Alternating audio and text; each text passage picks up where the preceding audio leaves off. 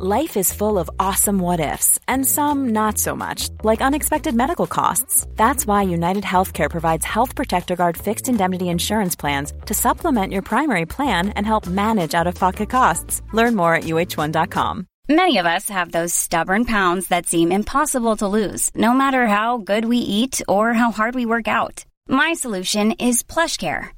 PlushCare is a leading telehealth provider with doctors who are there for you day and night to partner with you in your weight loss journey. They can prescribe FDA-approved weight loss medications like Wagovi and Zepbound for those who qualify. Plus, they accept most insurance plans. To get started, visit plushcare.com slash weight loss. That's plushcare.com slash weight loss. Kees, Ja, Maarten. wie ben jij? Ja, wie ben ik? Eh, Kees Groenteman. Ja, dat is je naam. Ja. Maar wie ben jij? Wie ben ik? ik? Ik denk dat we daar echt het even uitgebreid over hebben. Want Ja. ik zie jou nu zitten en ik denk, wie ben jij Wie eigenlijk? ben ik? Ja, Ja. ja. niet Maarten Heijmans. Dat is de naam die ik draag. Precies. Dat van de avatar. Die Dat is het dit- masker. Dat is het masker. We trekken Maar het masker af. Precies. We gaan op zoek naar kleine Maarten, kleine Kees. Aan de hand van videogames. Bring it on.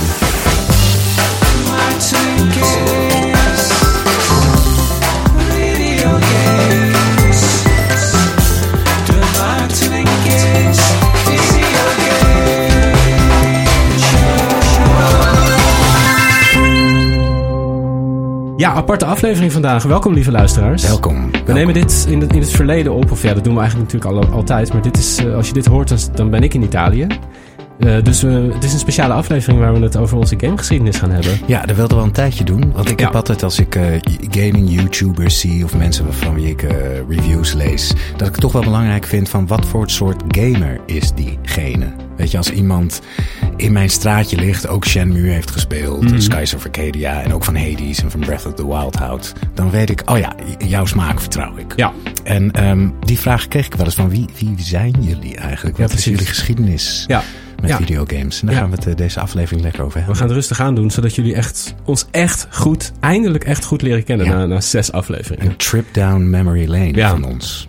Zullen we echt gewoon helemaal op, nul beginnen? Hoe is het bij jou begonnen, Kees? Ehm, nou ja, ik, ik, ik ben geboren in 1984. Ehm, toen was ik een baby. En ik denk een jaar of vijf later, een jaar of vijf, zes, zeven was. Nou, ergens in die regio.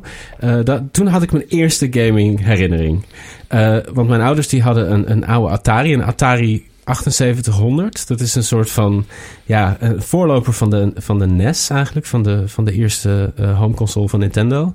En daarop hadden we een game en dat heette, ik moest het opzoeken, The Great American Cross Country Road Race.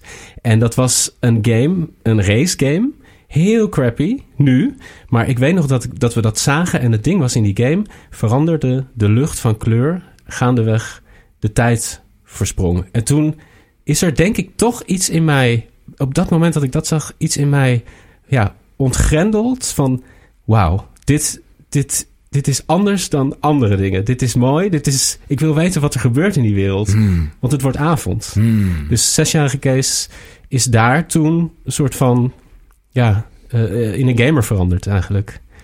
Eh, maar die game, ja, ik, ik ga er waarschijnlijk misschien wat audio onder zetten, maar het is echt niet om aan te horen. Ik heb een YouTube filmpje opgezocht, het is echt een krakend, piepend, krakend ding. Je moet ook tanken onderweg. Het is waarschijnlijk onmogelijk meer te spelen nu tegenwoordig. Dat je denkt, hoe, hoe kan je dit langer dan twee minuten Hmm. jezelf aandoen? Maar het veranderen van die lucht, van blauw naar licht oranje naar zwart, dat staat me nog zo bij op een oude CRT. Eh, dat was echt, ja, daar begon het allemaal mee. Heb jij Is- zo'n soort herinnering? Ehm, ja, ik herinner me nog wel eh, bij een vriendje van mij, die had, eh, die had een PC.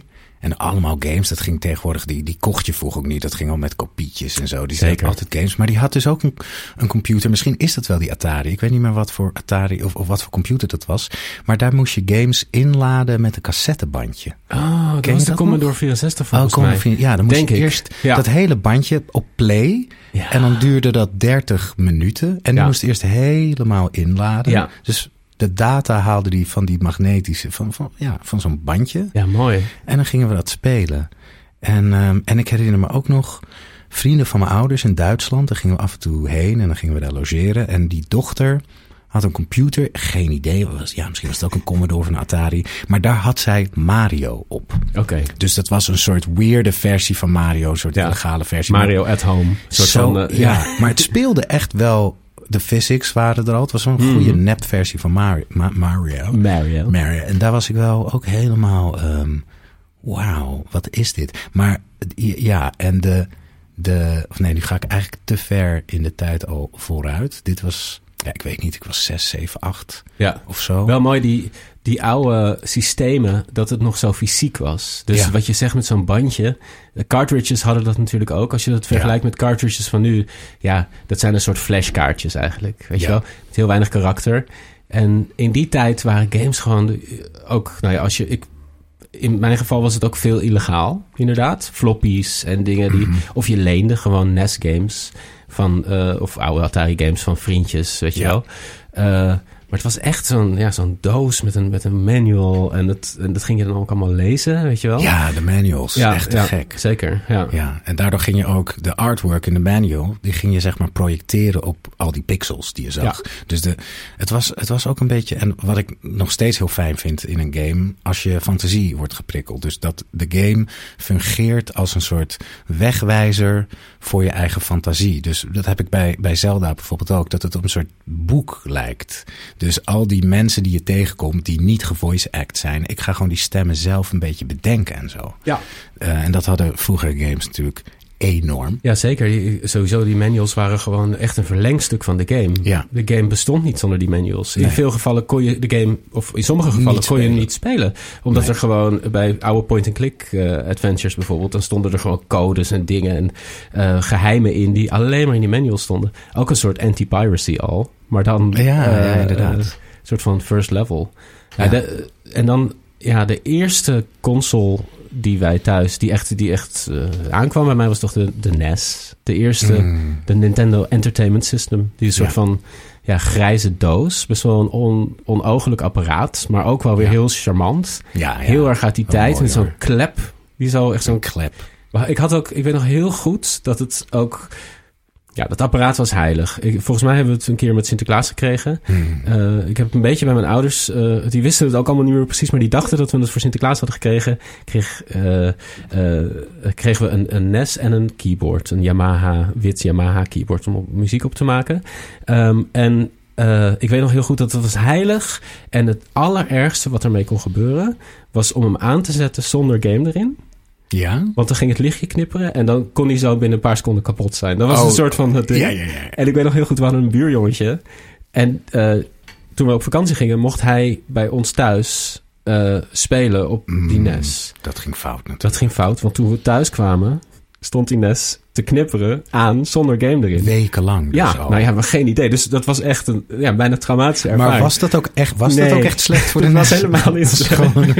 dat was gewoon een Het was een soort urban myth, Ja, die waarschijnlijk op een schoolplein eh, werd opgevangen. Mm, maar dat was ook En zo toen- leuk in die niet-online tijd. Dat Ja. iedereen kon je alles wijsmaken. Zeker, ja. En Zo dat van- was ook heel. Dat, dat eh droeg ook bij aan, aan een soort van de fantasie. Ja, Dat je kon. eh, eh, dat mensen zeiden: ja, als je daar gaat staan en je blijft staan, dan gebeurt er dit. En dat lukte dan niet. En dan dacht je van. Ja, de, de, game kreeg een soort van verborgen wereld om zich heen. Die helemaal niet bestond. Die Ja. alleen maar in de hoofden van die kinderen bestond. En ja. die verhalen gingen een eigen leven leiden. En ja, het was Ja, geweldig. geweldig. Ja. De NES, ja, ik had een NES. Een buurjongen van mij had een NES. Wel- Wel meerdere mensen om me heen hadden een NES. Ik had volgens mij, ik kreeg op mijn zevende een Game Boy. Een OG Game Boy. Ik denk omdat ik dat ding een paar keer bij de Bart Smit had zien staan. Dan had je zo'n demopot. En toen kreeg ik hem volgens mij voor kerst. Ik, ik ben jarig, ik kom uit vier, eh, 83, maar net nog 83. 24 december. Dus ik ben op kerstjarig. Kerstkindje. was altijd fijn, want dan kon ik toch een wat duurdere cadeaus vragen. Ah. want het was kerst, Kerst. en mijn verjaardag combined. Ja, Dus dat was erg handig. Ja, precies. En toen was kerst ook een iets minder groot big deal dan nu. Kerst is nu bijna Sinterklaas aan het worden. Maar toen was het toch net obscuurdere. Een Ja. iets obscuurdere. Je zet een boom neer misschien. Bij ons was het eigenlijk omgekeerd. Ah. Bij ons was kerst juist het main Oh, ding. En Sinterklaas was gewoon voor surprises en bla bla bla. Ja. Maar voor kerst, maar dat komt omdat ik, ik, ik eh, ben opgegroeid met een hardcore Duitse kerst. Dat was erg Duits. Ah. Oké, in omdat- waar- Omdat mijn oma is opgevoed door, twee, door een pleeggezin en die waren Duits. Ah, ja. En in Duitsland. Ja, ik dat vind het leuk ik. om Duits te zeggen. Ik heb een Duitse vriendin. En dus, nou, is kerst, dus kerst is, is groot deal. bij ons thuis. Heiligenabend. Ja, Heiligabend. En dan krijg je ja. een teller. Ja, weinig Krijg je ook een teller? een teller? Een teller? Een teller? Een bord? Een bord? Een bord met snoep. Nee. Dat was een kersttraditie. Dat was dan een, eh, uit de obscure berglanden waar jouw oma dan vandaan Ja, komt. Maar van, niet, niet ja, onze- hebben ze een teller? Een teller? En daar ligt dan eh, specula, of nee, niet speculaas, eh, ja, weet ik veel, snoep Ja. op. En dan moest je dan de hele kerstvakantie moest jij met jouw ene bord snoep. Wauw. Eh, ja, Oké. dat was dan ook wat je kreeg. Ja, dus Maar- kerst was een big deal. Kerst was een big deal en toen kreeg ik dus een Game Boy met Super Mario Land en Tetris. Ja, Dat was eigenlijk het grote begin ja, van de verslaving. ja. Ja. dat- Mario Land, ja. ja. Ook een rare Mario. Als je Ja. nu in hindsight kijkt. ja, het is een beetje een soort, een beetje vreemde eend in de. Zwart Heel schaap. vreemd. Ja. qua enemies en zo. Die zijn ook vaak nooit meer teruggekomen. Precies. Ja, dat doet, heeft Nintendo vaak gedaan voor hun handhelds. Een soort rare versies van, Ja. Eh, van, van hun mainline eh Ik vraag me games. nou af wie de de- developer was van die Mario. Ja, misschien was dat wel een heel ander... Gewoon geoutsourced of zo. Zou, Nou, zou zomaar kunnen. maar wel ja. vet, vet. Ja, heel raar goed. spel. Goede Ja, en sound die- ik, effects. ik weet nog heel goed, die Game Boy, want die hadden wij ook in die game. Die pixeltjes en zo, scherp. Eh, ik weet niet, ik vond altijd het heel smakelijk om, om, om Ja. dat zo lekker dicht op dat scherm te zitten. Ja. Eh, heel andere ervaring dan zo'n soort van plopperig eh, eh, CRT-scherm, weet je wel? Ja, ja. Ja, heel gaaf. Ja, zo lekker. En ook bijzonder dat het scherm gaf toen nog geen licht. Dus je moest Nee. echt lampjes aandoen. In de zon, op vakantie, was Ja. ook altijd lastig spelen. Hele rare angles. En Ja. oh, in de auto, dat je dan, weet je wel, dat er de lichten van de eh, lantaarnpalen. En dan kon je even steeds zien waar je heen Ja, moest. inderdaad, Ja. inderdaad. Ja, ja, ja, dat soort dingen. grappig. ja, want dan kon je ook zo'n ding erop zetten met zo'n licht. En met een vergrootglas. accessoires Ja, och. had je ervoor. Ja, ja, Ja, ongelooflijk. Ja, ik de heb ook ja, ik heb ja, Super Mario Brothers, Duck Hunt. Duck Hunt was te gek. Ja, met, dat, met, Met die zo'n zapper zo. Ja. Dat is ook je ouders van, douw dat ding niet zo tegen die televisie aan. Het is zo'n scherp, weet je, als een oranje pistool met zo'n scherpe punt. Die je dan echt zo tegen die Oh televisie ja, aan heel dichtbij. was. Ja, Ja, ja. ja. Sowieso een vet genre wat niet meer bestaat. Nee. De, de light gun Ja, precies. games. Ja, in de, met de Wii-tijd, ja, je had nog Kinect en ze hebben het nog wel geprobeerd, maar Ja. een soort van de zapper was eigenlijk, dat was zo'n goed apparaat. Ja, ja, ja zo geweldig. goed design. En je kreeg toen bij de SNES kreeg je Ja. echt een soort bazooka. De Super. Scope. Heb je ja. die gehad? Ja, Wauw. ja. Dat was, ja, was onmogelijk. Er moesten ook 45 enorme batterijen in, die Ja. als je hem per ongeluk aan liet staan, gewoon binnen een uur leeg waren. En de games daarvoor waren niet goed. Terwijl Mm. Duck Hunt heeft echt heel veel charme. Als je zegt Duck Ja. Hunt, dan zie je meteen die hond Ja. en die stomme vogels. Ja, ja. En de, die hele vibe was wel echt Hij goed. heeft echt de tand des tijds doorstaan. Zeker, En, ja. eh, maar nu ga ik, daar komen we zo. De Saturn had ook een hele vette eh 32-bit eh, light gun. Ah, ja. goeie- Oh, echt waar? goeie- Oh, ja, wow. hele vette Waarschijnlijk veel beter dan. dan Ja, dat was echt vrij geweldig. Maar ja, Sega had natuurlijk die hele arcade geschiedenis. En daar komt het vandaan. Ja, die light gun games. Ja, Dus, precies. ook geweldig in de arcade. Als je zo'n gun had die dan... ehm, waarbij, ja, ik weet niet hoe dat onderdeel heet. Maar dat die, zeg maar, dat die bovenkant zo heen en weer... Reloaden, zeg maar. ja, dat hij zo Ja. heen en weer gaat. Zo, tak, Ja, tak, ja, ja. Dat is ook vet. Ja. Heb je, dat vind ik eigenlijk heel jammer dat er. Ik, ik weet niet, er was in de Nederlandse cul- cultuur eh, denk ik best ruimte voor arcades. Die waren er denk ik wel op Zandvoort of zo. Of, maar het, ik vind het eigenlijk jammer dat ik niet heel veel tijd in de arcades heb doorgebracht. Het was Mm. soms echt zo'n ding dat je wel eens op vakantie, mocht je dan Ja. een paar euro of een paar gulden. Ja, ja. In, in Amerika is het echt zo'n ding. Ieder Ja. dorp, ieder stadje had een arcade. En daar hoor je ook altijd van die verhalen over. Van ik hing altijd het hele weekend in de arcade. Ja. En daar, daar is mijn gaming achtergrond ontstaan. Ja. Eh, ik vind ik echt jammer dat ik die boot heb gemist. Ja, dat sociale aspect ook ervan. Ja, Dat precies. voor mij toch altijd wel een solo ervaring. Ja, op campings was het dan leuk. En Disneyland Parijs had een hele goede Ah. arcade ook. Daar ben ik een paar keer geweest. En dus dat krijgt de helft van de, tij- van de dag in die arcade. Ja, En ehm, ja, en ik ben eh 15 jaar geleden ben ik naar eh Tokio gegaan, naar Japan.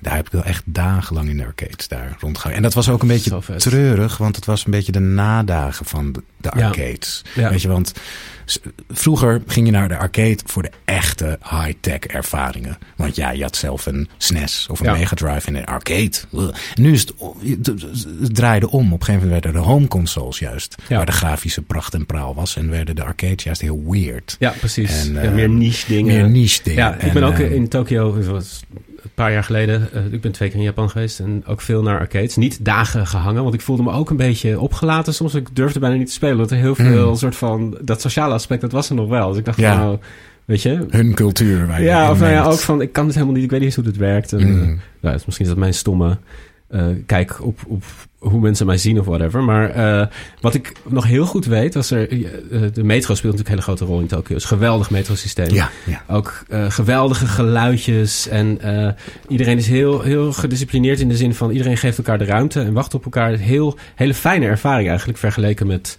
met hoe dat in Amsterdam bijvoorbeeld gaat. Dat, je, dat het stinkt en dat het naar is. Dat is in Tokio, was mijn ervaring in ieder geval niet. Ook al sta je soms wel met 4500 mensen in een minuscule eh, weet je wel.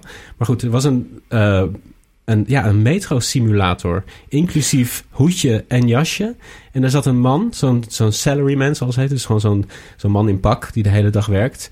En die je ook voortdurend in de metro overal ziet zitten te slapen. Ja, die zat daar gewoon metro-bestuurdertje te spelen met drie schermen. In een, echt in een hokje met een outfit. En dat, dat vond ik zo mooi ook. Dat die man daar gewoon, ja, daar even echt de metro Maar dat je dan zijn. dat jasje aantrekt, Ja. dat vind ik wel bijzonder. Ja, vind ik ook. Ja. Ja. Maar goed, arcades helaas, ja, inderdaad. Bestaat eigenlijk niet meer. Nee, het verdwijnt. Ja, het is Nee. best een beetje treurig. Ja. Maar ook wel weer logisch. Ja, ja eh, even kijken. Ja, ik heb... Mijn eerste Zelda-ervaring was ook op de NES. Dat was de tweede Zelda. Ah, Eh, de eerste Zelda heb ik eigenlijk pas veel, veel later gespeeld. Een paar jaar geleden.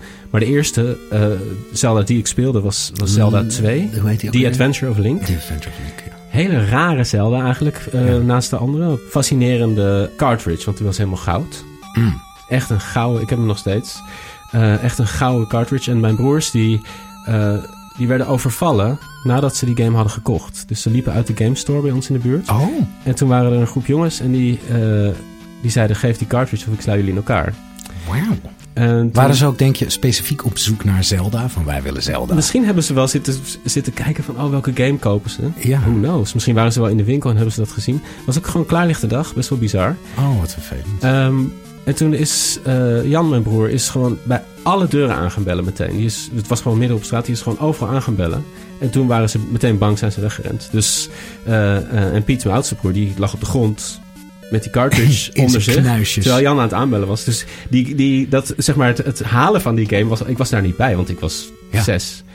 Ehm, maar dat was al een heel ding van, wauw, oké, we hebben hem. Weet je, hij Ja, is binnen. ja, hij is veilig. ja. De gouden cartridge. Ja, en dat was... Ik was nog eigenlijk te klein om die game te spelen, maar ik heb dat wel helemaal meegekregen. Ze hebben hem helemaal uitgespeeld. Een hele moeilijke game met heel veel ook ondoorzichtige systemen. Dat je bij een bepaald bosje een soort vuurtje moet stoken. En dat is dan een ingang van een dungeon. Hmm. Ik denk dat ze af en toe wel iets uit een blad haalden. Of misschien advies kregen van mensen die hem al hadden gespeeld. Maar eh, ik weet nog wel dat we heel erg veel bezig zijn geweest ook met, een, met het tekenen van een kaart met de hand. Dus een kaart van de hele wereld. Hmm. Eh, omdat we anders gewoon verdwaald raakten. En, Hmm. en toen de game was uitgespeeld, toen hebben we die kaart verbrand. Omdat... Wat mooi. ja, om, om ook van... Dit is de- we hebben zoveel moeite hierin gestoken... en niemand mag hier een soort van misbruik van maken. Ik weet Oh, eigenlijk dat. niet Het was een waarom. soort... Het was ook een beetje van... dit is onze kaart. En eh, ja, Ja, van dit jammer. geheim Ja. blijft bij ons. Ja, dit is ons, was ons avontuur of zo. Zoiets. Mooi. Ja, het is aan de ene kant heel erg zen. Zo van het gebeurt nu en dit was de ervaring. En we moeten dit materiële niet aan ons ego laten hechten. Ja. Maar het heeft ook weer iets heel niet-zens van... Niemand mag dit zien. Ja, dit is nee, van precies. ons. Ja. We delen dit niet. Ja, ja. Maar wat mooi. Hoe oud? Dus jullie waren... eh, Ja, ik, ik, was, da- ik was denk ik zes. Ik denk dat zij eh 12 en 9 waren of zo. Prachtig. Rond die, rond die leeftijd. Ja. Prachtig. En, en die sounds en de soundtrack van die game... die zitten nog steeds echt in mijn geheugen Hmm. gebrand. Eh, dus het was een rare Zelda... omdat er heel veel soort 2D-elementen in zaten. Dus Ja. de combat en, al, en alles vond allemaal plaats 2D, à la Mario eigenlijk. Dus je liep gewoon rond in een soort van, ja, met platformpjes en, en een beetje Metroidvania. Dus je had bepaalde skills nodig om verder te komen. Eh, wat, wat latere zelfs ook hebben gedaan. Maar dit was, voelde nog meer als echt Metroid eigenlijk. Hmm. En de overworld was top-down. Meer als de Hmm. allereerste Zelda. De game begint in het kasteel waar Zelda slaapt. Die is in slaap gebracht door de grote slechterik. En jij als, als de, de, de Brave Knight Link eh, moet op pad om haar weer eh, wakker te maken. En eh, je, hebt, je hebt een pad en daaromheen heb je bosjes en woestijnachtig uitziende vakjes. En zolang je op het pad bleef, was er geen combat. Maar zodra je het bosje inliep, was er een kans dat er een soort random encounter plaatsvond. Hmm. Dus die spanning van oké, we, gaan de, we gaan de wildernis in. En dat was Hmm. dus gewoon een, een, een eh, echt hele simpele pixel art helemaal op die overworld map. eh, die toch echt de, ja, heel erg tot de verbeelding sprak. Ja. En de combat was gewoon real-time, gewoon Ja. met een zwaardje. Hack and slash. En als je full health had, dan schoot je zwaardje een klein, een klein, een klein kogeltje Oh, eigenlijk. Dat soort dingen. En Oh, je- grappig. Toch wel veel elementen die Ja. in Zelda zijn blijven steken. Zeker. Zoals de Master Sword die Ja, een extensie precies. heeft. Ja, en ik dacht altijd dat het een beetje vreemde eend, een beetje zo'n een platformversie van Zelda was. Maar het heeft dus best wel veel Ja, eh, de- ja. avontuurlijke elementen. Er zitten, er zitten ook echt wel platformelementen in en die zijn ook echt wel wat minder. Maar de sfeer en de muziek is heel erg Zelda. En het is ook echt wel een episch avontuur. Eh, er zijn dorpjes, figuren waarmee je praat, die rare dingen zeggen. De vertaling is ook heel slecht. Dus er is bijvoorbeeld een heel bekende stil van iemand die je tegenkomt, een NPC in een huisje, die zegt I am error. oh, Error als in E-R-R-O-R.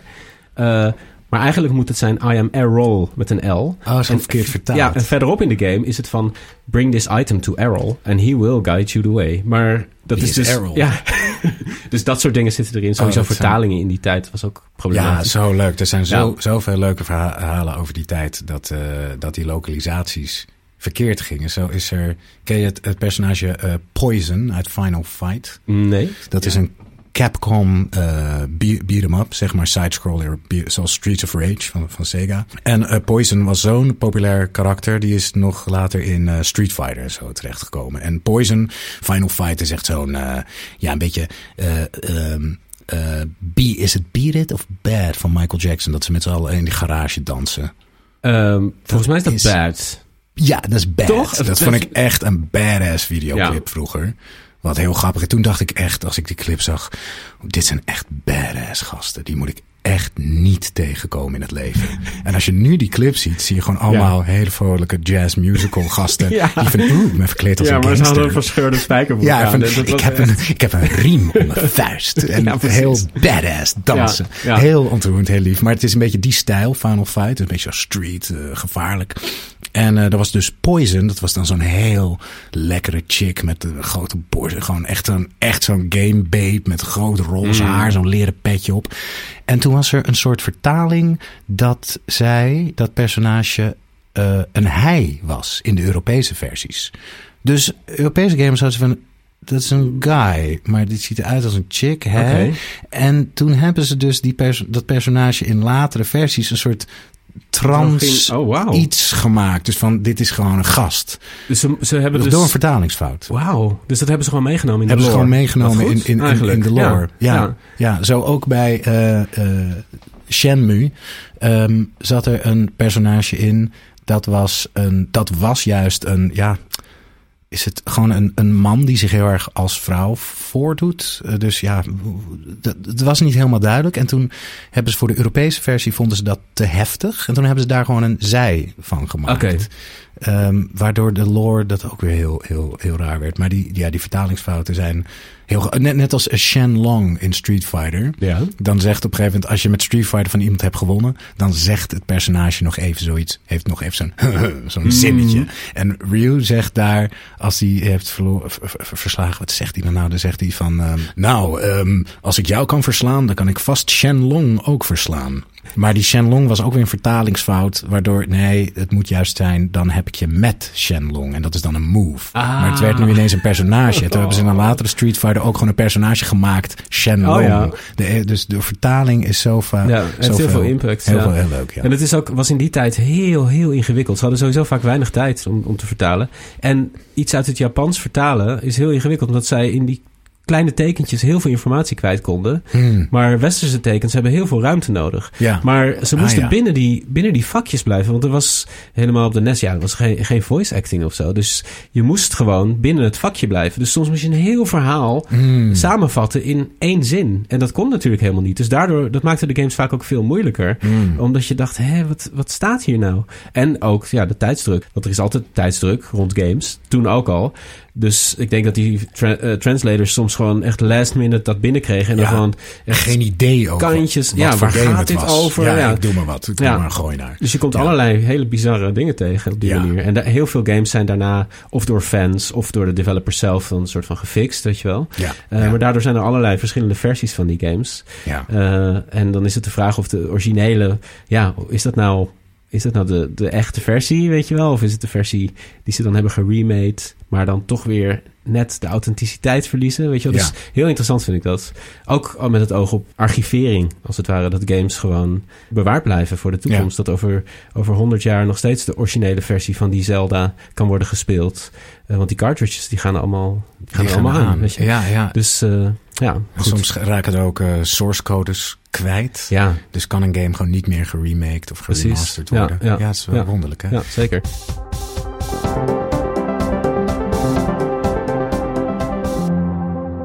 Nog één eh, ding over de Game Boy, wat ik eh, wel leuk vond. Misschien had jij dat ook. Dat als je dan op vakantie was in Frankrijk of Spanje, dat je dan een. ehm, van die zo'n vage winkeltje had, waar ze dan een Game Boy cartridge hadden die heel groot was, waar dan 300 games op Ja. stonden. Ja, Nou, dat was echt alsof je in de hemel was gekomen. Dat je, wat is dit nou? Er staan gewoon 300 Zo'n hele lijst. En dan ook zo van die artwork erop van 100 plus 5 of zo. Ja, Was het dan 5? maar dan waren het vaak eigenlijk maar 50 spellen precies. die er allemaal zes keer op stonden. En ook dingen inderdaad die niet vertaald waren. Of, of die niet goed shit. werkten. Of dat je de cartridge 17 keer erin moest doen voordat die werkte. Maar inderdaad, ja, dat een soort van die jackpot van wauw. Ja. We zijn klaar. We kunnen gewoon, weet je, we kunnen voor altijd blijven spelen. Ja, en dan was het ook echt van, er is op deze basisschool een jongetje die heeft zo'n cartridge. Ja. Dat ja. is echt vet. Dan mag ik die dan lenen?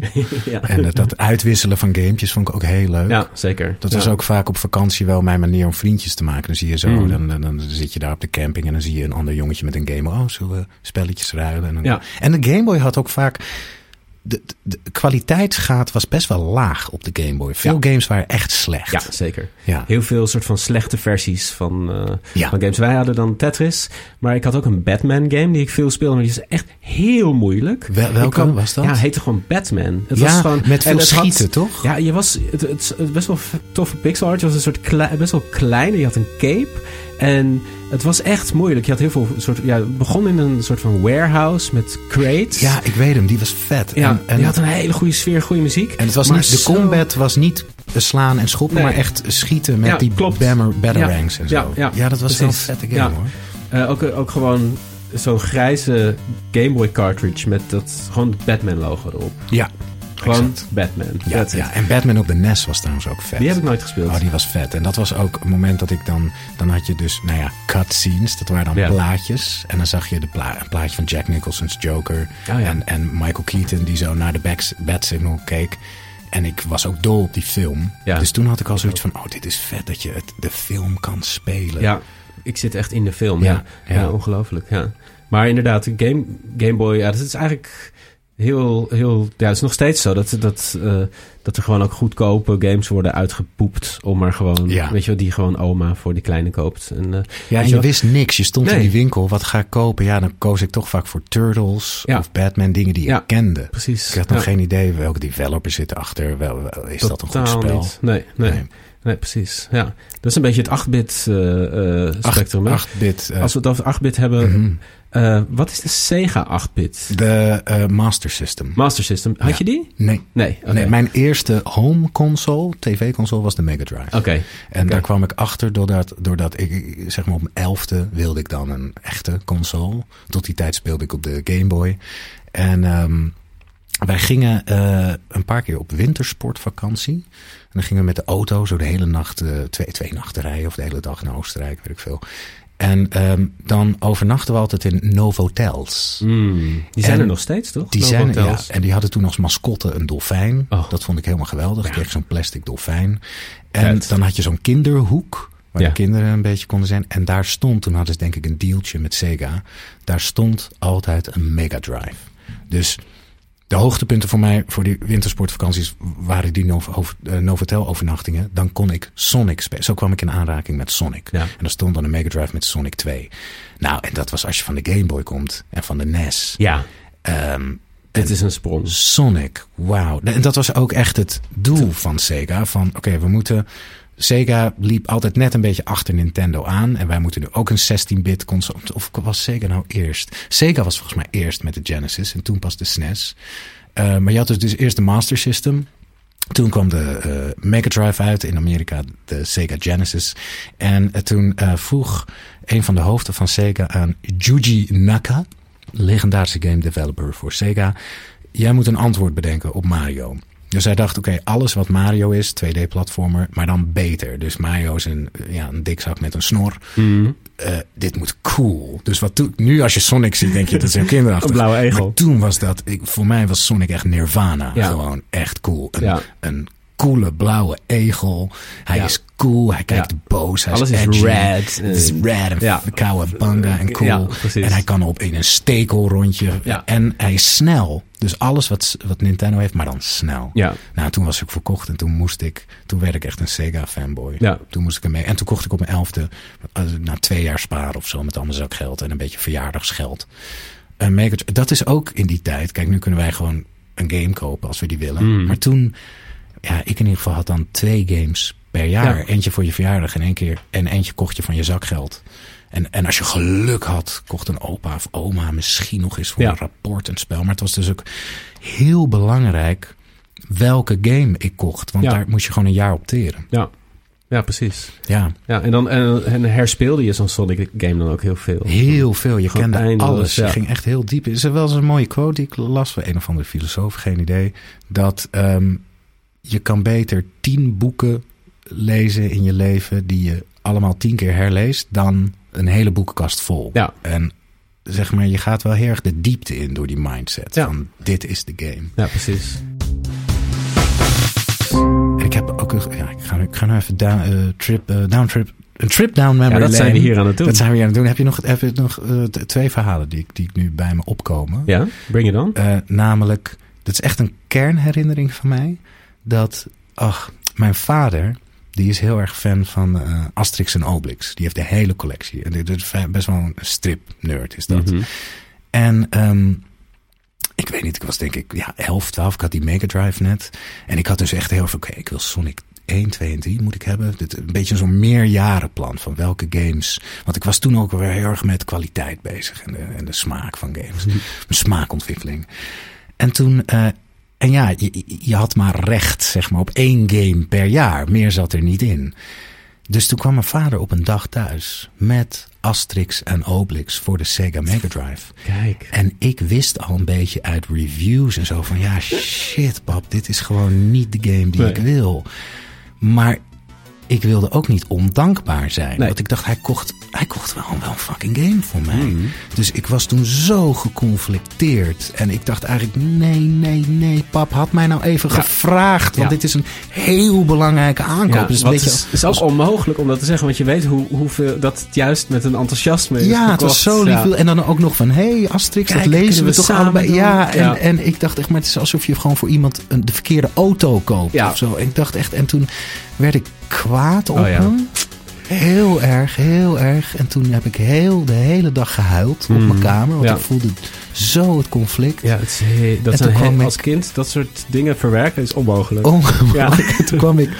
En mijn vader had ook zoiets van, Jesus Christ, ik koop hallo. nog, ik koop nog eens een spel Nog eens een. Asterix en Obelix. Jezus. nou, dat was goed. Niet meer Asterix en Obelix kopen. Precies. En toen kwam ik s'avonds zo beneden na een hele dag in mijn kamer te hebben gehaald. Dus ik van, het spijt me zo, pap. En eh, ja, het is gewoon heel lief van je. En ik, ik geef het een kans, de game. Ik geef het een kans. Ja. Hij, nou, nou, fijn dat je tenminste wil spelen. Ja. En toen vond ik het best Was wel. het nog best oké? Het was best een, een, beetje een, game. een, een chunky... Want volgens mij is hij ook op de SNES uitgekomen. Het is een beetje een chunky platformer, toch? Het was een, een platformer Ja. met, eh, ja, ik weet de muziekjes op zich leuke animaties, Ja, mij. best wel leuk. Leuke graphics. Maar Ja. ja, ja gewoon een beetje middle of the road. Precies. eh, Ja. spel. En een ander eh, eh, verhaal waar ik op kwam is eh, over het ruilen van Gameboy spelletjes. Als je echt dat het een soort sociaal smeermiddel is. Ik was toen alweer 14, maar ik had wel mijn Gameboy nog altijd bij me. Ging op Mhm. vakantie naar zo'n Franse of Spaanse badplaats. Ik weet niet, op zo'n op zo'n ja, camping ding was dat. En ik was 14. Maar ik was op mijn veertiende al erg. Ik, eh, mijn puberteit kikte pas erg laat in. Dus op mijn veertiende zag ik eruit en gedroeg ik me als elfjarige. Ja. Maar ik was natuurlijk wel eh, Ja. met seks bezig en eh, veertien en puber. Dus ik wilde wel meedoen met de volwassen kinderen, zeg Ja. maar. Maar ik, ik, ik maakte geen kans natuurlijk. Dus er waren daar op die camping dan ook meisjes van 15, 16 en jongens van 15, 16, 17 met brommers. En die rookten al. En ik Ja. Keek daar altijd zo naar vanuit mijn ooghoeken. Oh, ik wil bij hun zijn. Maar ja, ik ben gewoon een sukkel met een Gameboy. En toen was mijn enige vriendje op die camping... was een jongetje, een Vlaams eh, een, een Belgisch Frans sprekend jongetje, wat ik Mhm. niet sprak, dus we konden niet eens praten, van zeven. Oh ja. Dat was mijn vriendje. Ja, dat dus was- al die coole kinderen hingen daar. Die gingen dan s'avonds naar de disco en die, die tongden ook met elkaar. en ik dacht, en ik heb godverdomme een vriendje van zeven. en ik ben veertien. Maar ja, het was het beste wat ik had. Hij had een Gameboy, we konden spelletjes ruilen. Ja. Hij was heel enthousiast. Och, hij ja. miste zijn twee voort. Hij was net aan het wisselen. Oh ja. Dat was mijn vriendje. En Och. toen gingen we, eh, er was daar een pooltafel. Een snoeker, nee, pool. Gingen we poelen. En dit is even om aan te geven hoe walgelijk ik was. Hoe wraakzuchtig en hoe, eh, ehm, hoe naar ik eigenlijk mijn situatie met dat zevenjarige vriendje vond. Gingen we poelen. Hij had nog nooit gepoeld. Oh ja. Nog nooit. Dus tijdens het spel legde ik het een beetje aan hem uit. En hij won gewoon dat eerste Oh ja. fucking potje van mij. Een kind van zeven. Ik was veertien. Keek ook een beetje naar die, naar die andere eh, jongeren. Hij won van mij dat eerste potje. Dus oké, oké, eh, rematch. Nog Ja. een keer, nog een keer. En ehm, je, je weet bij, gingen we nog een keer. Ik dacht, godverdomme, nu moet ik winnen. En je kent bij poelen het, de regel, de zwarte bal Mhm. moet als laatste Als in. laatste. Als je daarvoor de zwarte bal eh, put, ben je dood. Ja. Dus hij was weer aan het winnen en hij ging voor de zwarte bal. Nog voordat het de laatste Mm. bal was. En toen dacht ik, ik kan nu wat zeggen, want die, dat arme kind van zeven heeft nog Ja. nooit gepoeld. Dus die ging, dacht gewoon, ik doe de zwarte bal erin. Ja. Maar ik dacht, ik zeg niks. Nee. Die zwarte bal gaat erin. En ik meteen, ja, dat betekent Dat- dus dat je hebt verloren. Ja. Dus het is 1-1. Frans sprekend Oh. kind van zeven. Maar toch hou ik je maar aan mijn zijde, want anders heb ik helemaal niemand. Oh man, ja, ik, dit is zo herkenbaar. Je, als kind, ja, je moet je ergens aan vasthouden, helemaal in Oh. dit soort situaties. Ja. En ja, dan moet je soms gewoon vies spelletjes spelen. Ja, ja, ja. Ja. Ja, al is het, misschien is het ook wel belangrijk om dat soort vieze spelletjes te, te ervaren, omdat je daarna erachter komt, oh jezus. Het was niet, ja, je zit er nu nog steeds mee, 30 jaar later. Ja, ik vind het, ik, ik, ik, ik zag Of echt een 20, kleine ja. naarling in mezelf. Maar je hebt Ja. misschien liever dat je dan ten uitvoer brengt, en Ja. dan een andere, ander kind scarred for life, dan dat je het in je volwassen leven gaat doen. ja precies. Ja. Wellicht, ja. Ja. Ja. Ik ben ook heel gierig geworden in mijn jeugd. Doordat games zo duur waren. En Mm. je maar één. Dus ik was heel erg gierig met geld. Ja. Want ja, ik, ik, ben aan het ik was altijd aan het sparen voor Ja. een spel. Ja, het was gewoon, het beheerste je. En daardoor moest Toen ik ook huilen dat ik, dat ik Asterix en Obelix kreeg. Ja. Van, ja, godverdomme. En terecht. Ja. Ja. Ja. Ja. Ehm, Ja, dit was een beetje het SNES-tijdperk. Ja, dit Toch? was... Ja, ja, 14 is iets later. Iets later. Dit Ja. was eh, ja, Mega Drive. Ja, een SNES. Ja, wij hadden ook een SNES. Ja, ja. Die kwam toen in huis. Wat deed je dan met je oude console als er een Ja, nieuwe kwam? die verstofte ergens, die bewaarden we wel. Maar ik weet ook wel, veel van de games zijn ook verdwenen. Omdat je dan, ga je, dan waren er vriendjes die, die dan nog niet een SNES hadden. Dan ging je die games uitlenen. Ah, die kreeg je nooit terug. Ja, eh, er zijn ook veel games naar, naar neefjes gegaan die nooit meer terug zijn gekomen. En dat vind ik heel jammer, want eh, dat was een mooie collectie. En Ja. die is helemaal uit elkaar getrokken. Ik denk dat dat heel, heel vaak is gebeurd. Ja, ja, er zijn ja, er nog zeker. bijvoorbeeld die Zelda, die heb ik nog. Ehm, maar eh, en, en ja, eigenlijk daarnaast heb ik echt nog maar heel weinig van de NES games. SNES heb ik nog wel iets meer, maar eh, ja, vind ik jammer. Maar ja, goed, dat zit nu gewoon ergens in een doos. En ik denk Wauw, ja, dat- zo. Dat is misschien nog Ja. wel wat waard zelfs. ja, dat zou kunnen. Maar ja, zonder, zonder eh, artwork of doos. of Nee, iets. ja, dan, dan is het ja. ja. Ja. ik had bij mij ging altijd de vorige generatie eruit. Want ik ruilde dat dan in bij mijn gamewinkeltje Mm. Ah. in Purmerend. Ja. En ehm, dus dan ging er zo'n Mega Drive met, met 10 spellen. Die gingen, dan kreeg je dan ja, Ja. 150 gulden korting op die Sega Saturn. Die Ja, ik dan precies. kocht op de nieuwe generatie. En dan ging Sega Saturn weer inruilen voor de Dreamcast. Dus dat ging maar, ging maar Ja, door. precies. Ja, ik heb nooit games verkocht. Ik wilde altijd alles houden. Ik kon het niet over mijn hart snap ik, verkrijgen. ja. ja. Ik ben een beetje een hoorder. Nou, niet echt, maar een klein beetje. Ik heb dat wel een beetje. Het is ook lekker om dingen te hebben. Daardoor heb je ook een backlog. Omdat je gewoon wil hebben. hebben. Ja, hebben, hebben, hebben. Ja, Ik had het net over eh, mijn twee broers. Dat waren er twee. Dat is er nu eentje geworden. Want Piet, de oudste, is overleden toen ik, toen ik tien was. Hij was vijftien. eh, aan, aan kanker, aan leukemie.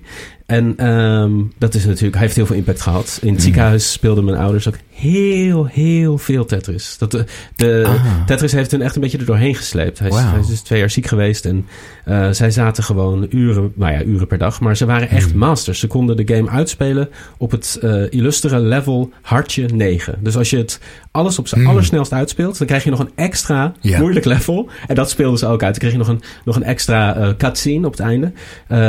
Dus gamen was ook in die tijd heel belangrijk om ons een beetje op de been te houden. Het was verder ook een hele hechte tijd. Het was ook een goede tijd, op een bepaalde manier. Ook al was het natuurlijk ook verschrikkelijk wat er gebeurde. Ja. Maar eh, Piet eh, was ook echt een gamer. Eh, Dus hij spaarde een SNES bij elkaar toen hij ziek was. Toen die, wauw. ja, met een soort van sponsorloopachtig iets op een, op een, op een, op een home trainer. En, en hij mocht een wens doen van het Doe een Wensfonds. En hij koos een PC. Dus wij hadden al heel vroeg een hele stevige PC thuis staan. Want die, dat was van Boel, van het merk Boel. Dat zat in Zuidoost. Daar produceerden ze PC's. Eh, dus we kregen een PC met een mooie monitor erbij. En een muis. En er zat een, een soort scanner bij, een handscanner. Dus we konden dingen inscannen. Werkte allemaal maar half. Maar, eh, eh, en het bizarre toeval was dat er bij ons in de straat een, een Duitser woonde. De, Duitsland blijft terugkomen. Ja. Daniel. Ehm, en Daniel, die werkte op het Science Park als IT-specialist bij het aanleggen van de eerste internetverbindingen eh, in Nederland. En hij heeft een soort van servertje neergezet, zodat hij thuis kon internetten.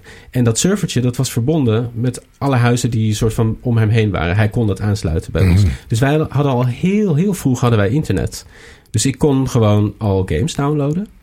Wauw. Ja, eh, op een soort hele primitieve manier. Maar soort- van iemand anders computer. Nee, nee, nee, echt van een soort internet. Maar dat, was, dat zag eruit als een soort DOS. Dus sowieso DOS, het operating system op Windows. Dat is een soort van zwart scherm waar je gewoon ja, eigenlijk ja, echt programmeertaal Mhm. Toch? Ja. invoert bijna. En zo zag dat internet er eigenlijk ook uit. En wat heel vet was, dat wij... We waren best wel bezig met kaarten. Eh, en in dit geval ook, want wij konden... Wij speelden veel Wolfenstein. Wolfenstein, ook weer Wolfenstein. die Duitse, eh dat blijft maar terugkomen. Ehm, Wolfenstein 3D, een van de eerste shooters eh, van id Software, de voorloper van Doom, eh, ook een legendarische game. En wij konden dus eh, de, alle kaarten van alle levels downloaden en uitprinten op zo'n printer met van die Ja. van het papier met van die gaatjes Ja, aan de zijkant. ja, En dat duurde dan een eeuwigheid. Eh, en, en zo speelden we door de game. Ja. Wauw, maar dat is echt heel primitief early internet days. ja. En dan kon je een game... Maar als je zo'n game downloadde, wie faciliteerde dat dan? Was Ja, dat een Ik heb het commercieel geprobeerd, bedrijf? dat weet ik niet. Eh, ik heb het geprobeerd op te zoeken, want ik weet dat het heette Max, volgens mij. Dat netwerk, Max Network. Maar daar kon ik echt, ja, is niet te googlen, die term. Hmm. Ehm, ja, het was, eh, we konden echt games downloaden. Dat deden we al. Ja, eh, dat duurde waarschijnlijk een eeuwigheid. En het kostte een, een, een rip uit het lijf qua telefoonkosten. Maar we Ja. deden het wel. Ja, ja, Ja. ja. En toen speelde ik heel veel van die, van die PC-games. Want we hadden veel buren die, die een beetje in de IT zaten toevallig. Mhm. Er was ook een bovenmuurman die veel, veel spelletjes had op floppies. Dus bijvoorbeeld Lemmings. Lemmings. Eh, speelde ik heel veel tro- ja, van die rare platformers. Trolls en Jill of the Jungle. Commander Keen, de Commander eerste. Keen, ja. Wolfenstein dus. En ook, ook wel best wel wat oude point-and-click adventures van Sierra. Police Quest. Ook zo'n raar... Heb je ook zo'n zo'n ski-game, herinner me? Ja, ook Ski or Die. filmpjes. Ski or Die. ja, dat heb ik zo veel Ja, gespeeld. ja, ja. Ja. Ski or Die. Ook. Ja, het was en Skate or Die, California Games. California Games. Ja. Ja. op de links was dat. Oh ja, die hebben wij hadden ook een links. Ja, dat was een weirde dat console. het enige. Dat was een raar ding. Links. Ik was hem eigenlijk helemaal vergeten. Mijn Ja, ik ook. Jan, eh, mijn broer, die heeft toen... Die dacht, dit, ja, dit heeft kleur. Ja. Je kan hem op twee geweldig. manieren vasthouden. Ja, Je kan voor linkshandigen. Ja, dus Heel alle inclusief voor die dubbel. tijd. Ja, een hele bizarre keuze, maar wel, wel heel vet. En een geweldig, heel mooi geluid. Hele mooie eh, LCD-scherm. Echt vergeleken met... Want het was ten tijde van de Game Boy, Ja, dat volgens was gewoon mij. kleur. Er was het misschien... Nou, volgens mij was de Game Boy Color nog niet eens uit. Nee, nee, nee. Dat was echt het ding. Net als de Game Gear hadden Ja. we toen. Ja. Dat, die, die was zo exotisch, de Game Gear. Die was heel duur. Ja. En, ehm, maar ja, een vriendje van mij had een Game Gear. Dat vond ik wel een geweldig apparaat, ja. Ja. Maar wat heftig. Ja, je hebt het me net al verteld voor de opname. ja, ik dacht ik ga je niet overvallen met van, dit... je, eh, van je broer. Ja. en, en, dus ik kan me wel voorstellen, ja, als je ouders Tetris spelen in de ziekenhuis. Terwijl er dan bijvoorbeeld een bloedonderzoek bezig was of zo. Dan moesten jullie Ja, er was gang. gewoon, ja, er was al eigenlijk altijd wel iemand bij hem. Dus mijn ouders die, die wisselden dat al af. Dus er was altijd iemand bij hem in het ziekenhuis en iemand bij, eh, bij ons thuis. En wij gingen bijna elke dag naar het ziekenhuis. Ja. En het, was ook, het was ook echt een hele, ja, zoals ik al zei, het was eigenlijk best wel een, ook een, ja, een mooie tijd. Omdat we als familie heel dicht bij elkaar bleven. We hadden, was ook in de tijd, ik was natuurlijk, ik was Keesje. Ik weet niet of je dat verhaal kent van Ja, Paul de Leeuw. dit, dit ken ik. Nou Dit ja. is een geweldig verhaal. Ja, eh, maar dat was ook tijdens die, eh, eh, tijdens die tijd. Dus dat associeer ik ook heel erg daarmee. Je kan zelfs in de aflevering, dus de eerste keer dat ik bij Paul de Leeuw was. Als mensen dit verhaal niet kennen, zoek het even op, want ik heb geen zin om het helemaal uit te doeken. Ja, maar niet... staat het nog op YouTube? Want Ja, is een volgens mij soort wel. controverse over. Ja, het gekomen. is, nou ja, het is volgens mij nog wel te vinden, weet ik niet zeker. Ja. Maar of, zal ik het even snel vertellen? Vertel het Oké, nou lieve mensen. Eh, ik, ja, goed. Mijn tante, Hanneke Groenteman, eh, werkte bij Paul de Leeuw als redactrice in zijn programma Schreeuw van de Leeuw. En in die tijd waren we daardoor best wel close met, met Paul, omdat wij, ja, we waren altijd bij de aflevering, de opnames, we zaten altijd in de zaal. En eh, Paul was echt een vriend van onze familie, van de familie Groenteman, maar ook van ons stukje van de familie Groenteman. En we kwamen bij elkaar op over de vloer, waren gewoon vrienden, via Hanneke. En Paul had op een dag, we zaten letterlijk in het ziekenhuis. Dus dit, het hele idee rond Keesje is ontstaan in, in het AMC in Amsterdam. Ik zat bij Paul op schoot. Ik was eh, zes, denk ik. Eh, zeven. En we keken televisie en we keken naar Mini Playback Show. We keken veel televisie. en de Mini Playback Show was aan, nou ja, kijk, als de Mini Playback Show aanstaat, dan ga je kijken. En toen dacht hij, Paul, van hè, dit is. Volgens mij was het een soort van. Begon hij een soort rant van. Wat verschrikkelijk is dit toch? Die kinderen worden aangekleed, worden in de spotlight geduwd. Je, ziet, je voelt die, die ouders in hun nek hijgen. Nou ja, niet dat hij dat letterlijk zou zijn, maar dat was, dat was wel het idee achter het hele item. En toen, eh, toen kwam hij op het idee van: Kees, wil jij misschien hier een grap over maken met mij in mijn programma? Nou, ik vind het, vond het natuurlijk hartstikke leuk. Wat een leuke, serieuze vraag ook aan een jongetje Ja. van zes. Ja, nee, maar ik begreep, ik, ik, ik begreep snapt het ook ja. wel. Ja, Ja, ja. echt. Ik was denk ik zeven, maar ik, ik begreep... Ja, ik begreep het wel. Eh, van eh, niet zozeer misschien de... eh, maar in elk geval dat, het- dat het leuk was om daar een grap over te maken. Ja, ja. En, en dus ik was soort van de ground level betrokken. Eh, eh, bij het idee. Het tot, tot stand kwam. En mijn ouders ook. Dus het was gewoon iets wat, wat ontstond tussen ons. En eh, toen is dat gebeurd. Toen heb ik dus, kon ik nog maar even bij zijn van Gordon gezongen. Terwijl Gordon daarbij zat en niet wist Oh, dat, dat dit ging gebeuren. En toen heeft Paul mij halverwege afgekapt. En gezegd, dit is het meest afschuwelijke wat ik ooit heb gehoord. Mensen, zap niet. Eh, Zeg je, dit gaat ons leden kosten. Ik miste ook mijn voortanden. Eh, de de Ja. allerergste en ook grappigste grap die hij heeft gemaakt... eh, was, als ik je vader was, had ik nog meer tanden uit je bek geslagen. ja, Maar hij ging Oh, goed. heel... Hij, hij voelde de, ik denk, de, de soort van stroomversnelling Ja. van, van beledigingen en hoe naar het was. En ook het feit... Kijk, het was voor mij... Het was afgesproken dat ik absoluut niet mocht lachen. Ja. Als ik ging... Want ik, ik kan... Dat merk ik nu ook. Als ik in een theaterstuk speel... En ik moet een scène spelen. Soms moet ik dat als muzikant. Dan zijn, spelen wij rolletjes. Ik heb het altijd ongelooflijk moeilijk om niet te gaan lachen. Oh dat ja? is echt Ja, een, een zwak punt. En dat had ik toen ook al. Dus elke keer als we oefenden, begon ik te lachen. Van, ah, Paul, weet je, wat zeg je nou allemaal? Dus toen heeft hij, ik weet niet meer wie het zei, maar iemand heeft mij verteld. Je moet, volgens mij was het mijn vader.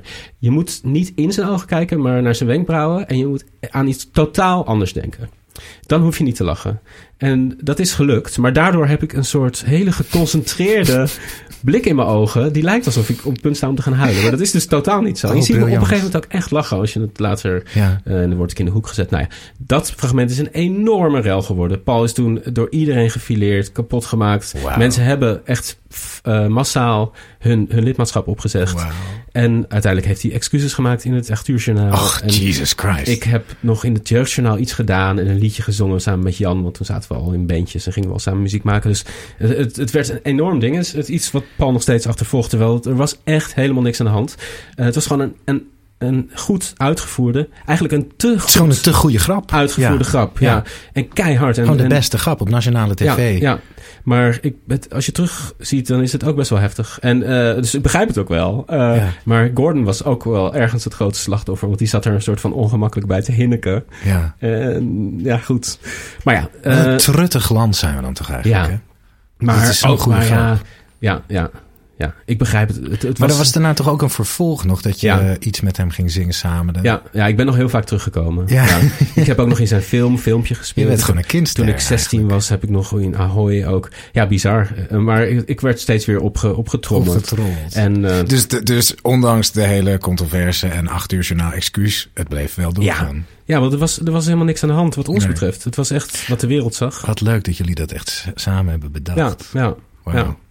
Maar goed, dat, dat ontstond dus in het ziekenhuis. Gaan we door naar de Eh, volgende generatie. Ja, ik had nog één vraag. Een beetje Ja, een, oh, een, ja, bring it on. Een, eh, een, eh, een eh, zwarte vraag. Ja. Namelijk, nou, ik kan me voorstellen als kind dat het zo en je broer ligt in het ziekenhuis en je bent je aan de ene kant bewust van de ernst van de situatie, maar ook Mhm. weer niet, denk ik. En je voelt ook dat je enorm connected bent met z'n allen. Maar jullie kregen dus heel veel eh, door die Make-A-Wish Foundation en PC en, en dit en dat. Had, had je ergens ook soms zoiets van, ook ik vond het eigenlijk wel fijn dat die ziek is, want we hebben nu allemaal computers om ons heen. Nee, Of nee, dit is dus, dat dit is, duidelijk nooit- gevoelens heb ik, heb ik nooit gehad. Nee. Ik had meer schuldgevoel over heel veel schuldgevoel. dingen. Ja. Schuldgevoel. Wat ja, wat, jij, dan? wat jij beschrijft misschien in, in zekere zin over de, die, die Asterix en Obelix game. Mhm. Weet je wel, dat geconflicteerde gevoel van eh, Hmm. hoe... Ja, weet je, als kind kan je sommige dingen gewoon... En als volwassene trouwens ook. Want het is een ongelooflijk ingewikkelde, eh, ingewikkeld gevoel van dankbaar zijn... maar ook Hmm. iemand anders gevoelens meenemen daarin, Hmm. weet je wel? Dus daar zat ik meer mee. Eh, dat, ik, dat ik me soms schuldig voelde over dat ik het leuk had. Ja, wauw, Ja. wauw, wauw. Dus eh, ja, niet zozeer. Ja, het, was, het, het is bizar dat je daar doorheen gaat en dan, eh, dan 30 jaar later eh, daarover praat in de podcast. podcast over games. Oké, ze, ja. Ja, Jezus, maar echt een hele vormende ja, ja, Zeker. ervaring. over vormende ervaringen gesproken. Ja. De Nintendo 64 voor mij. Nintendo 64!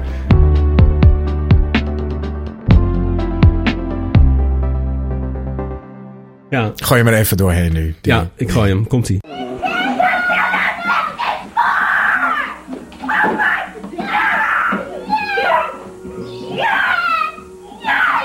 Ja, zo, ja, eh, ja, die console wa- was eigenlijk mijn, mijn eerste echt mijn eigen console. Zo voelde Ja, het. Die lekker. andere waren meer van mijn broers ook of van mijn ouders. Ja. Maar dit was echt, was mijn ding. Ja. Ja, eh, ik, ik zat in de brugklas toen die uitkwam. Ik weet nog heel goed, de console kwam uit en Mario 64 kwam uit. En we hadden de game, maar de, de consoles die kwamen pas later. Dus Mm. die ervaringen met de manual en met de doos, die heb ik echt twee weken gewoon helemaal opgevreten, die doos met de game. Dat ik bijna eh, de, de cartridge wou, zeg maar, Opeten. eh, snuiven. Ja. Ja. voordat, die, voordat die kwam. Jij had dus nooit een Nintendo console behalve de Nee. Game Boy. Ja, Game Boy, ja. Ja. Zo grappig. Het begon bij mij de Game Boy, maar daarna door Sonic, Precies. Mega Drive, bam, was ik op. Door de, door de Novotels. Naar Sega. Ja. Ja. Dat hebben ze dan echt goed gedaan. Dat was een goede deal. Ja, want er komen natuurlijk allemaal van die gezinnetjes die Precies. dan onderweg zijn eh, Ja. naar vakantie. Ja, dat is een go- goede deal. Maar ja, Sega is natuurlijk een heel, eh, gem- heel gemankeerd bedrijf. Ze hebben toch heel veel dingen, heel veel steken laten vallen. Ze hebben ook heel veel foute dingen, foute dingen gedaan. Foute dingen. Fout. Ja. Ehm, ja, grappig dat je. De, de N64 voelde dus voor mij als een bedreiging. Ja. Want ik was toen inmiddels in 32-bit tijdperk. Ik had een Sega Saturn. En een Sega Saturn was echt heel erg niche. En die vond je niet bij de Intertoys en de Bart Smit. Dan moest ik echt met de bus naar Amsterdam, naar een gamewinkeltje om daar een Saturn spel te kopen. Ja. En eerst zo uitproberen in de winkel. En, ehm, dus de N64 was natuurlijk revolutionair door Mario. En ik dacht alleen maar, oh mijn god, maar, maar waar ben ik dan nog met mijn Sega Saturn? Ja. En, en, en hoe, hoe vond je de overgang van 2D Mario naar 3D? Hoe, hoe, ja, dat was een absoluut formatieve ervaring. Eh, Mario 64 was, was ook de enige game die ik toen had. Dat hoe, ook die besturing is nog steeds gewoon wat. Ook eh, als ik Tears of the Kingdom speel, denk ik ook aan Super Mario 64. Mm. die. Ja, eh, ze hebben dat toen meteen zo goed gedaan. Zo in de roos geschoten. Het is natuurlijk geperfectioneerd. Maar als je die game nu speelt, dan voelt het nog steeds lekker om Mario te besturen. En eh, dat was toen ook van, hè, dit is. Dit is nou ja, waar we het over hadden van die 2D naar, naar 3D. Van hoe zou, wat gebeurt er aan de, aan de andere kant van het scherm, weet je wel? Wat gebeurt er in die achtergronden? Dat was precies dat. Ineens liep ik rond in die achtergronden. En, ja, ja. en eh, ja, dat, dat was zo magisch. Dat was zo mooi. En de muziek is zo goed. En eh, er, za- er zaten ook zoveel... Dat je de camera bedient, bijvoorbeeld. Dus het was ook best wel van... Wow, wat, wat Ja, dat was hier? nieuw. Ja, Ja, dat ja. deed je toen nog met die vier gele. Ja, eh, precies. De C. Bizarre controle. Ja, hele rare... Drie, met drie ja, slurfjes ja, eigenlijk. Ja. Eh, met- en, en met een, met een Z-knop op de achterste achterkant. Dus een hele aparte controller. Ook een controller die, die stick, die ging eh, heel snel stuk. Of Ja, ja, ja. Die werd dan helemaal lam. Dan had je echt maar een, een halve Ja. centimeter op een gegeven moment om, om hem nog te verplaatsen. Maar ja, die Mario 64 heb ik helemaal, helemaal stuk gespeeld. Hm. Dat was... En toen ging ik ook iets serieuzer naar games kijken. eh, meer, iets meer erover lezen. En op een andere manier erover nadenken. Dus rond, rond mijn twaalfde dat ik echt... Toen ging ik de, de Power Unlimited lezen. Oh ja, ja die las ik ook. Eh, dat was... eh, ja, ik vond het geweldig. Ik, eh, Ja. ja. maar de Power Limited zwoor ik toch wel snel af, omdat die nooit Sega games Ja, dat is ook- bespraken. Ja, stom ook. Ja, maar ik snap wel, ze kregen waarschijnlijk gewoon geen review copies. Ja, want. Sega was zo'n... Sega heeft, ik heb daar veel over gelezen destijds. Sega besteedde alleen maar aandacht in Europa aan Engeland...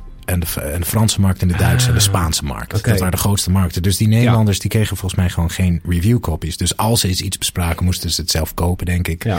En de Saturn was. De Saturn samen met de PlayStation 1 kwam. Ja, het is gewoon een zeer gemankeerde launch. Want ehm, Sega wilde dus na de Mega Drive een nieuwe Sega-console. Werd de Sega Saturn 32-bit. En het was heel erg vanuit Japan gedacht. Omdat het een Japans bedrijf is. En ook best wel met oogkleppen. En in Japan is 2D heel populair. Door anime, door hun cultuur.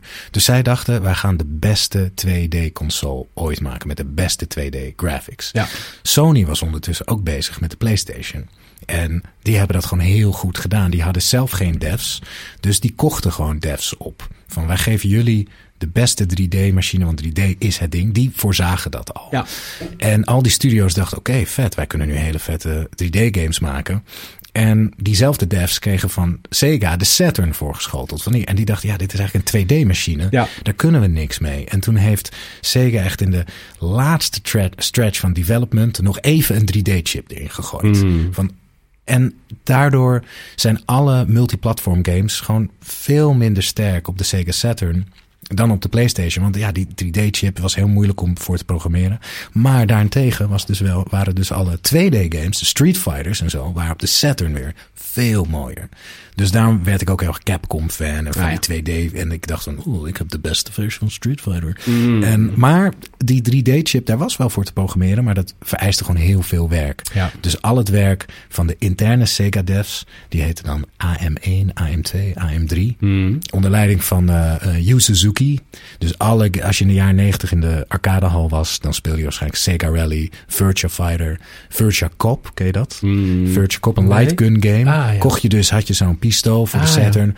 En je had gewoon al die arcade games ineens thuis. Ze zagen er wel iets minder uit, eh, minder goed uit dan, maar je, had gewoon thuis een arcadehal eigenlijk met een Saturn. Dat was super vet. Ja.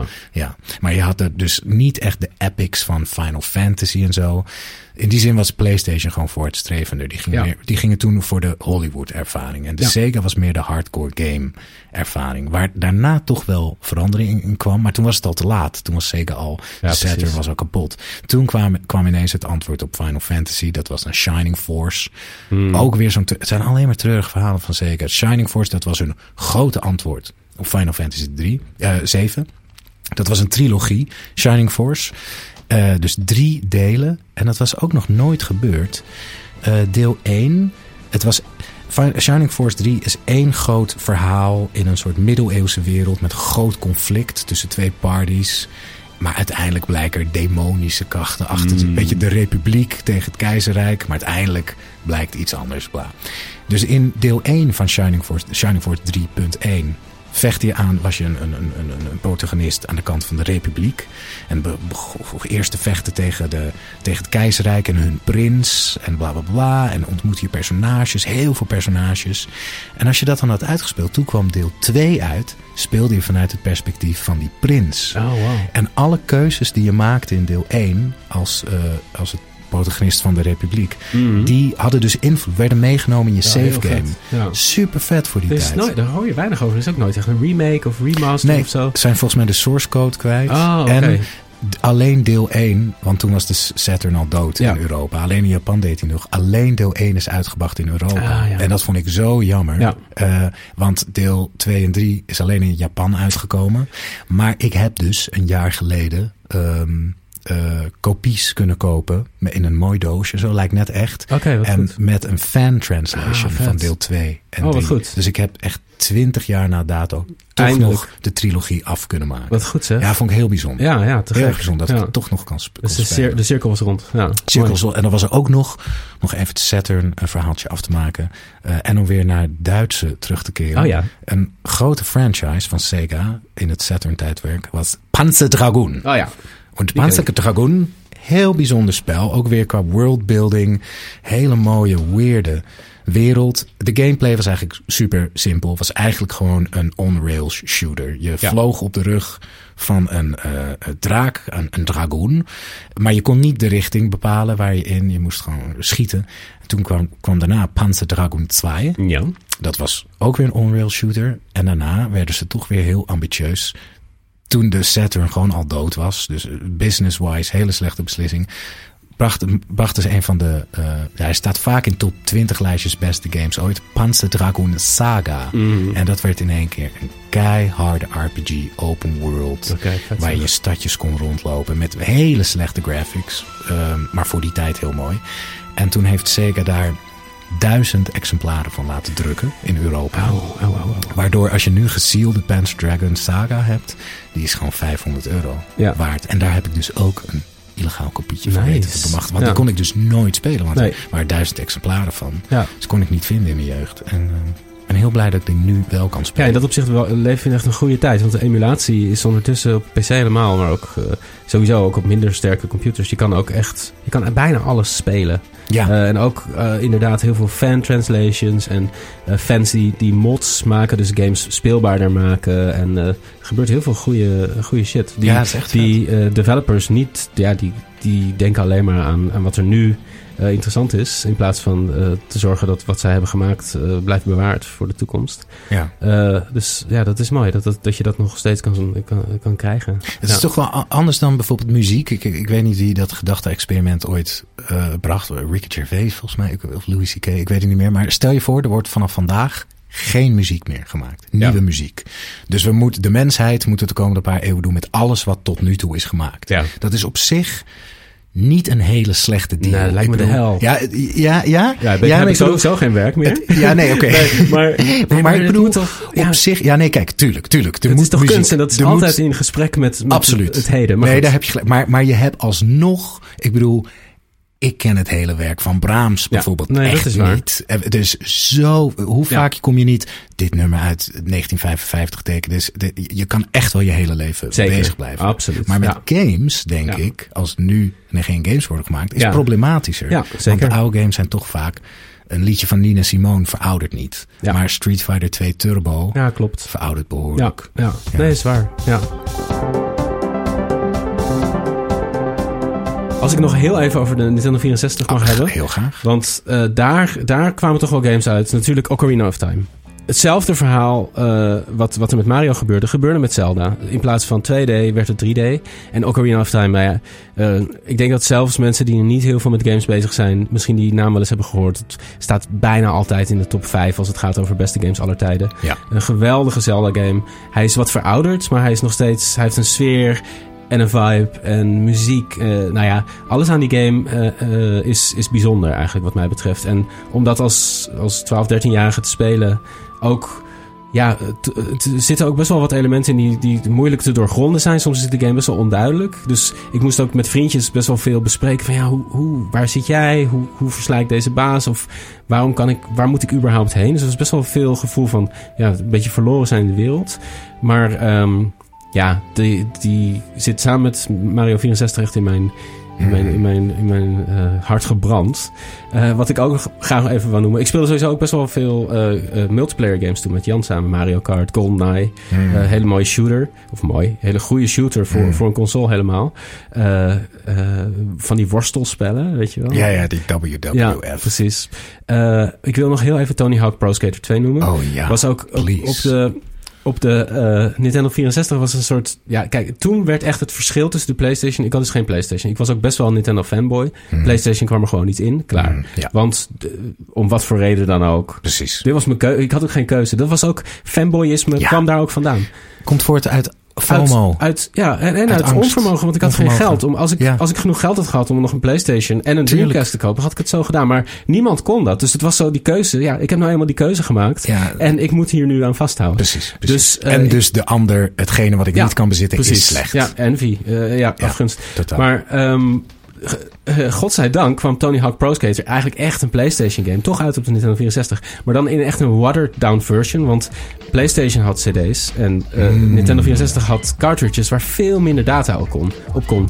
En eh, wat belangrijk was in Tony Hawk was de soundtrack. Muziek. Ja, eh, hele goede punk soundtrack. Ik hield, ik hield ook al heel erg van punk. Ik was echt groot fan van de Rage Offspring. Against the Machine. En, ja, ook. Eh, en, en NoFX. En die ik trouwens vorige week nog live heb gezien in de Melkweg. Eh, ja, was niet goed, maar wel leuk om ze te zien. goed, eh, doet er niet toe. Maar daar luisterde ik veel naar toen. Eh, en toen kwam die game en die had ook echt zo'n punk vibe. En ik wou ook altijd echt een punker worden. Maar eigenlijk was Ja. ik gewoon vooral een beetje een muzieknerd. Ik zat altijd ja, met mijn beste vriend Jasper en mijn andere beste vriend Frank... zaten wij gewoon Beatle liedjes te spelen. Ja. En, en naar oude Pink Floyd platen te luisteren. En naar obscure eh, ja, 60s dingen. Maar in mij zat een skater die er maar Mm. niet uit kon komen. Ik, heb op een gegeven moment ook... Ik heb op een gegeven moment ook een, voor eh, heel veel geld, veel te veel geld, maar ik paste best wel veel op in die tijd. En ik werkte af en toe bij Paradiso als, als eh, stagehand. Hmm. Eh, dankzij een buurman die bij Paradiso werkte. Ik had een goede straat in dat opzicht. Hmm. Ehm, dus ik kon af en toe al, toen ik jaar of 16 was, al daar helpen met, met de eh, bands opbouwen en zo. En dat verdiende natuurlijk hartstikke goed. Dus ik had best wat geld in die tijd. Dus toen heb ik ook een skateboard gekocht. Maar Hmm. ik had niemand om mee te skaten. Eh, oh, dit is echt een hele tragische eh, anekdote, maar ik moet hem toch even vertellen. Ik, we- toen wist ik had dus nie, geen van mijn vrienden, mijn vrienden waren allemaal muzikant eigenlijk. Heel erg met muziek bezig. Eh, en daar ging ik heel veel mee om. Maar ja, die skater die zat erin. Ik kocht dat skateboard. Ik ging in mijn eentje ging ik, ja, op zoek naar skatevrienden. Toen ging ik naar de Nederlandse Bank, want daar in Amsterdam. want daar waren de skaters altijd. Het was een soort van goede area waar je kon skaten in het centrum. Eh, en toen ging ik daar heel onhandig skaten. Ik kon niet. Er kwamen een aantal skaters van: hey, cool, wat doe je hier? Ik, toen, zei, toen zeiden ze ook van: ja, we skaten eigenlijk nooit hier, maar altijd daar. Maar we komen wel naar jou, naar jou toe. Dus het was best wel Hey, cool. lief. Ja, Ja. en toen eh, was er dus een soort van de leider van die groep. Want dit was eigenlijk, die waren misschien 18 al en ik was 16. En ik dacht echt, oh my god, ik had de grootste broek aan. Ik zag er echt belachelijk uit. Want ik, ik had niet die stijl, maar ik probeerde het. Ja, ja, ja. Dus het was echt triest. En toen, eh, toen heeft een van die jongens, de leider, die de- deed een grind. En die, toen brak zijn skateboard in tweeën. Ja. En toen maakte hij naar mij het gebaar van, eh, ik hak je kop eraf.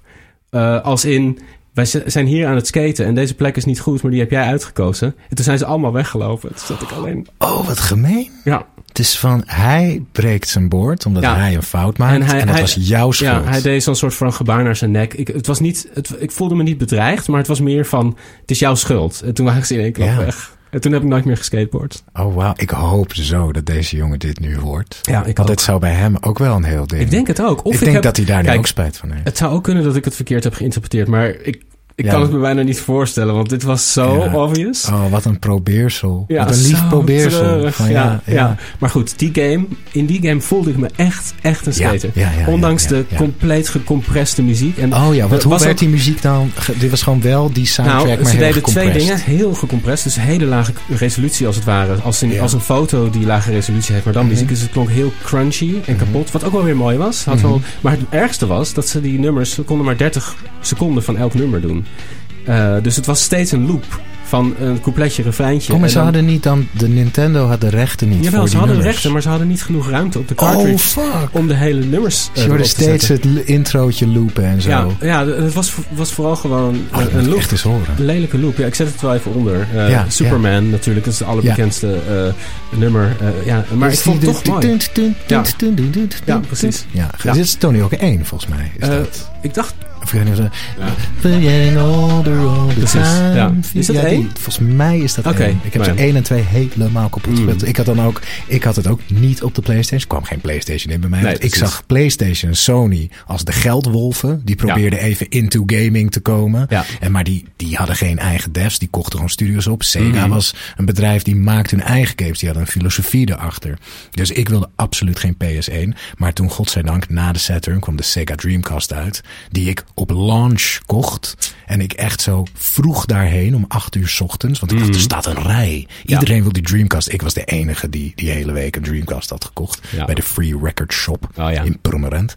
Ehm, En Tony Hawk 1 en 2 kwamen uit op de Dreamcast. Dus ik had ja, de Dreamcast 128 bit. Ja, waarschijnlijk de ultieme versie toen. Dat was de ultieme versie met alle liedjes. En ik wilde ook echt skater zijn. Ik, eh maar een van mijn beste vriendjes op de basisschool, die was skater. Echt wel een coole skater. Echt zo'n goed skateboard. Benjamin. Mhm. En, ehm, Ook echt een skaternaam, vind ik dat. ja, hij was ook echt een skater. Hij was Ja. ook echt zo'n... Weet je wat je vroeger hebt? Dan ben je zelf de nerd, maar dan heb je een vriendje die heel cool is. Hij Ja. was echt heel cool. Ja. Hij durfde alles. Mhm. Vochten ook vaak. Hij, Oh, ja. durfde, en, ging, hij was een beetje mijn bad boy vriendje waar ik dan Mm. in mee in meeging. Ja. En hij was echt een skater, maar ja, ik, ik kocht dan bij de Bart Smit zo'n slecht skateboard. En dan zat ik ook een beetje bij mijn buurthuis. Ja. Dat was dan een trapje van, van vijf centimeter hoog, die treetjes. En ging daar maar van afskaten. Ja. In mijn eentje. Ja. Ja. Dus toen Tony Hawk kwam, dat was echt de skate simulator. Door de muziek, door de lifestyle, die filmpjes die je unlockte. Heel vet. Nou ja, al die, heb ik later gezien, want ja, de Nintendo 64 die had daar geen Oh, die had geen filmpjes. Ja, dat was echt het vette. versie. Als je het dan uitspeelde met Tony Hawk, kreeg je een clip van al Ja. Tony Hawk's moves. Volgens mij zat het er niet in. Ik weet het niet zeker, maar ik heb Oh, er geen ja. herinnering van. Ja. Fascinerend. Ja, Ja, maar ja. wat een gaaf spel. gewoon. Super gaaf. En er is een geweldige remake gemaakt, die ik ook veel heb gespeeld Oh, twee ja. jaar geleden, van 1 en 2. Ja. Eh, gewoon voor de nieuwe consoles. Helemaal die oude vibe met een veel grotere soundtrack. Eh, echt, echt een hele, hele goede remake. Ja.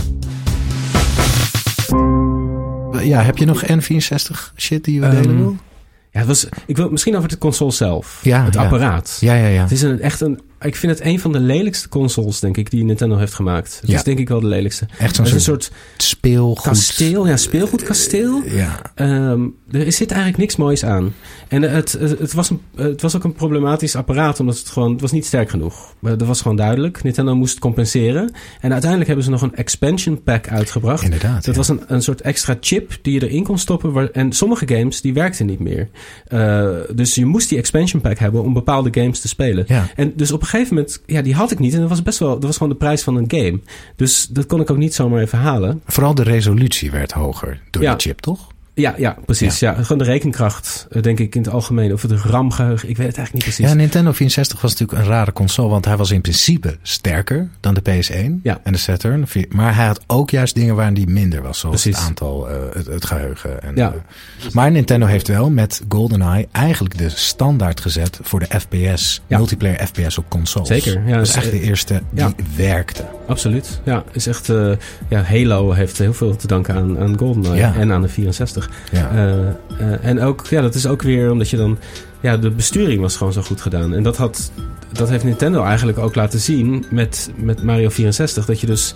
Ook al, er was toen natuurlijk nog maar één stick. Dus je had één control stick. Mhm. Tegenwoordig bestuur je games, 3D-games, eigenlijk altijd met de linkerstick loop, loop je rond. Met de Mhm. rechterstick bestuur je de camera. Ja. Eh, en dat deden ze toen eigenlijk ook al, maar dan met knoppen. Dus in plaats van... Je, Ja. je liep wel rond met de linkerstick, maar met je rechterduim drukte je op knopjes, waardoor het oogpunt veranderde. Ja. En dat was echt revolutionair. gewoon- ja. Klinkt heel simpel, maar dat was ongelooflijk belangrijk. Ja, En dat was GoldenEye dus ook. Dus je kon strafen, dus je kon in een rechte lijn links en rechts. Wat, wat je op een PC heel makkelijk doet met de, met de richtingknoppen.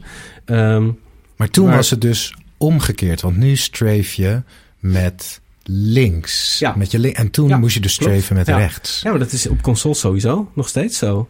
Nee, als je, als je naar rechts drukt met je rechterduimpje, kijk je naar rechts.